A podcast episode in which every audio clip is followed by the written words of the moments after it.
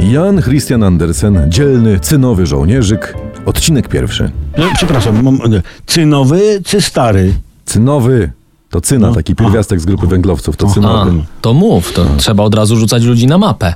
Było raz 25 żołnierzy cynowych, braci rodzonych, gdyż ulano ich z jednej cynowej łyżki. To jeden żołnierz czy 25? Ja. I czemu 25? Co to jest Właśnie. pluton po godzinie ostrzału, że są braki, czy... Ta. No tak napisał mistrz Jan Christian, prawda?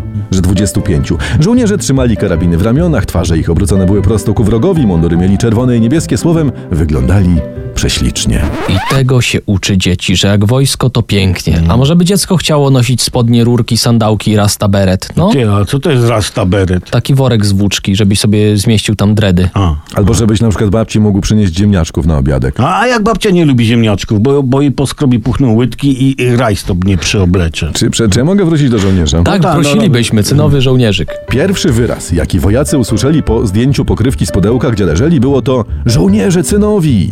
Wyraz ten wykrzyknął młody chłopiec, klaszcząc w rączki. Kiedyś dzieciom nie było wiele trzeba, nie? Teraz kłady, laptopy, a wtedy żołnierzyki hyc. Chłopiec ustawił wojsko Hyc w bojowym szyku na stole. Podobni byli najdokładniej do siebie. Jeden tylko różnił się od reszty. Posiadał jedną jeno nogę, bowiem ulano go ostatniego i cyny na nóżkę zabrakło. Wyobraźmy sobie, że ten żołnierz to Polska. A, albo nie. No. Tak, jak nie Polska, to kto? Niemcy? Chcesz mieć w bajce 25 Niemców z bronią?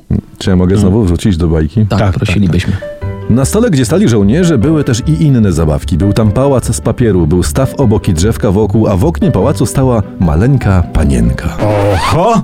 Się robi gorąco. 25 wujaków i ono. Panienka była z papieru. Miała jedwabną sukienkę.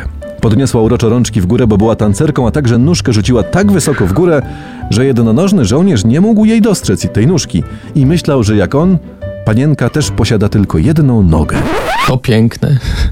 I ja się tu wzruszam, No. bo, bo wiem, że za chwilę miłość wybuchnie im w twarz. Panience i jak znam życie temu żołnierzu. Ale e, papier i cyna, jak oni... No, no, no, no to co to będą za dzieci z tego związku?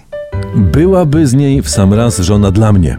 Tak sobie westchnął ten wojak cynowy. Czyli on w to idzie cały czas. No to on by po prostu on zapłonął. Zubu zibizaj. Y, muszę się koniecznie z nią zaznajomić. Dodał I to tu? do siebie. I tu mnie zaimponował. Od razu na ostro do pana, nie, że będzie się czaił, coś tam. Tak. No właśnie, no, no Chodź właśnie. się zaznajomimy. Tak. No właśnie nie do końca.